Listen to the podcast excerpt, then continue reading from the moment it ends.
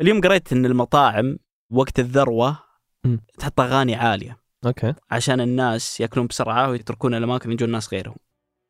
ذكرتني بواحد من الشباب يملك مقهى يستخدم كراسي غير مريحة علشان آه، ما يطول الناس في الجلسة. وكذلك استخدم أكواب السيراميك بدلا من الورق في الجلسة على أساس برضو تبرد القهوة بسرعة ويطلع. اليوم رايح بطلب ورقة.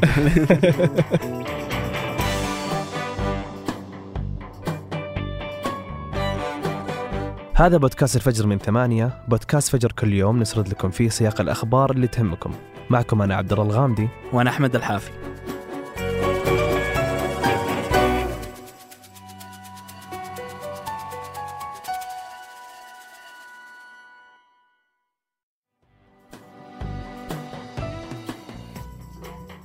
في الفترة الأخيرة عبرت حكومات غربية عن مخاوفها من أن تطبيق تيك توك المملوك لشركة بايت دانس الصينية أنه ممكن يعرض بيانات المستخدمين للخطر.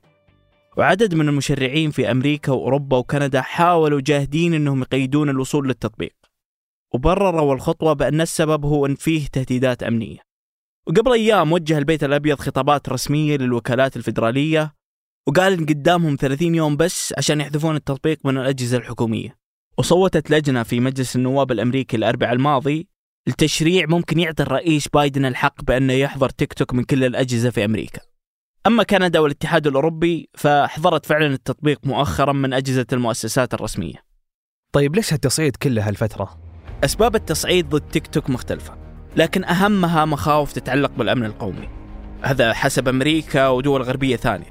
فهالدول تقول أن الشركة الأم اللي تملك التطبيق مقرها الصين. وبسبب هالشيء الدول الغربية عندها مخاوف من أن الحكومة الصينية تقدر تستفيد من نفوذ تيك توك على المستخدمين. وبالتالي تقدر توصل للأجهزة وبيانات المستخدمين في هذه الدول بسهولة. عشان كذا يوصف بعض السياسيين الأمريكيين تطبيق تيك توك بأنه حصان طروادة للحزب الشيوعي الصيني. هو الحزب اللي يحكم في الصين حاليا. عموما حظر التطبيق ما اقتصر على الدول الغربية. فقرارات حظر تيك توك امتدت لعدة دول في آسيا والدول العربية. من بينها الأردن وإندونيسيا والهند وباكستان. في إندونيسيا الفترة الماضية فرضت حظر مؤقت على تيك توك. أما الأردن فأحظرت التطبيق بعد احتجاجات وأحداث عنف بين المتظاهرين وقوات أمن.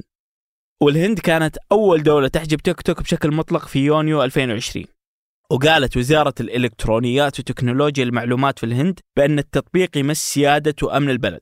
وقالت صحيفة الجارديان أن خطوة الهند كانت أسبابها سياسية. كونها جت مع تصاعد التوترات بين الدولتين. وفي أكتوبر من نفس السنة صارت باكستان ثاني دولة تحظر تيك توك ولكنها تراجعت عن القرار بعد تسوية مع الشركة. وعموما يعتبر مشروع قرار الحظر في الدول الأوروبية وأمريكا هي أكثر قضية شائكة تواجهها الشركة المالكة للتطبيق حتى الآن. والشركة المالكة تطبيق تيك توك تعتقد أن الإجراءات الأخيرة أشبه بهجوم سياسي على الشركات الصينية لكنها تحت غطاء حماية الأمن القومي. وتقول الشركة أن الدول الغربية مثل كندا وأمريكا ودول الاتحاد الأوروبي تتهم التطبيق بأنه يشكل مخاطر أمنية بس ما عندهم أي دليل أو سند قانوني وتقول الشركة أنها قدمت مشروع قانون اشتغلت عليه لسنتين عشان يقلل من مخاوف الحكومة الأمريكية على أمن البيانات وعموما يدعم عدد من الخبراء رأي الشركة المالكة تطبيق تيك توك ويقولون إنه فعلا ما في أي دليل يدعم هذه الاتهامات بخصوص تهديدات الأمن القومي. وهالخبراء يحذرون من تسييس قضية الأمن القومي. ويقول أستاذ القانون في جامعة جورج تاون انوبم تشاندر إن ما في أي دليل ملموس على مشاركة المستخدمين الأمريكيين لبياناتهم مع تيك توك. ولا على استخدام الحكومة الصينية للتطبيق لتحقيق مكاسب سياسية.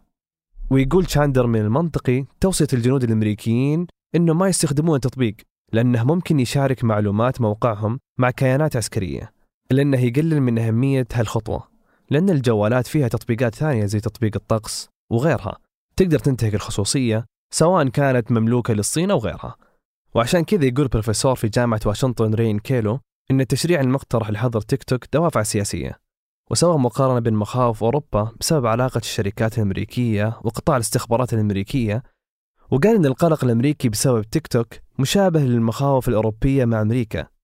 فأمريكا قلقه من وجود ملايين المستخدمين من مواطنينها ومقيمينها على تيك توك. خصوصا إذا ثبت وجود علاقة بين التطبيق وقطاع الاستخبارات الصيني.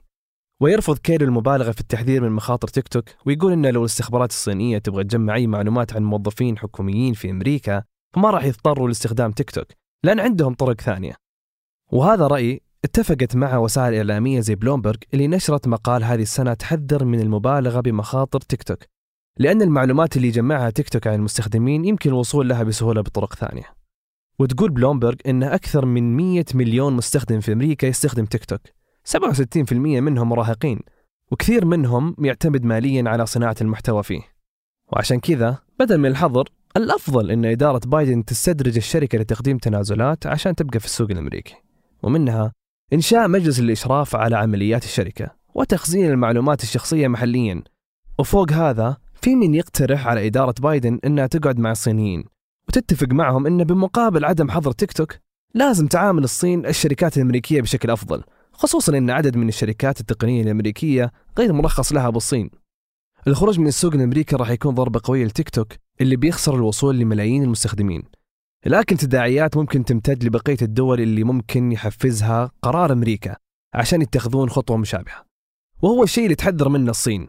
وتقول إنه يقلل ثقة الشركات بموثوقية القطاع الخاص في أمريكا وأوروبا وانه ضد المنافسة العادلة. ورغم إن البعض في أمريكا يرفضون الحظر إلا أنه يعتبرونه وصاية ورقابة زيادة عن اللزوم إلى أنه ممكن يمثل فرصة لتطبيقات التواصل الثانية اللي بالسوق واللي بتكون قدام منافسة أقل بعد خروج تيك توك واللي ممكن يواجه صعوبة في النمو بعد الحظر وتتعرقل خططه وخصوصا أن التوقعات تقول أن التطبيق الصيني ممكن يتفوق على تطبيقات وادي السيليكون في أمريكا. ويقدر يشكل هو تطبيقات صينية ثانية مستقبل التكنولوجيا في العالم. وقبل ننهي الحلقة هذه أخبار على السريع.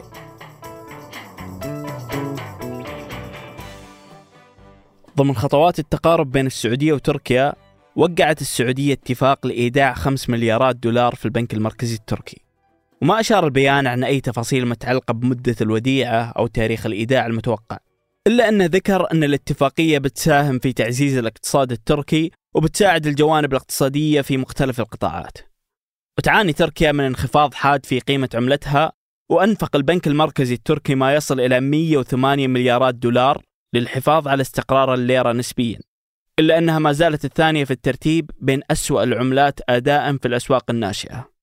وهذا الأسبوع تحدث الرئيس السابق دونالد ترامب أمام المؤتمر السنوي للمحافظين الأمريكيين. وأعلن عن رفضه إنفاق إدارة بايدن لمليارات الدولارات للدفاع عن أوكرانيا. وحذر من اندلاع حرب عالمية ثالثة. واعتبر ترامب نفسه المرشح الوحيد لانتخابات 2024 اللي يقدر ينقذ أمريكا من الديمقراطيين ويوقف الحرب بين روسيا وأوكرانيا في يوم واحد.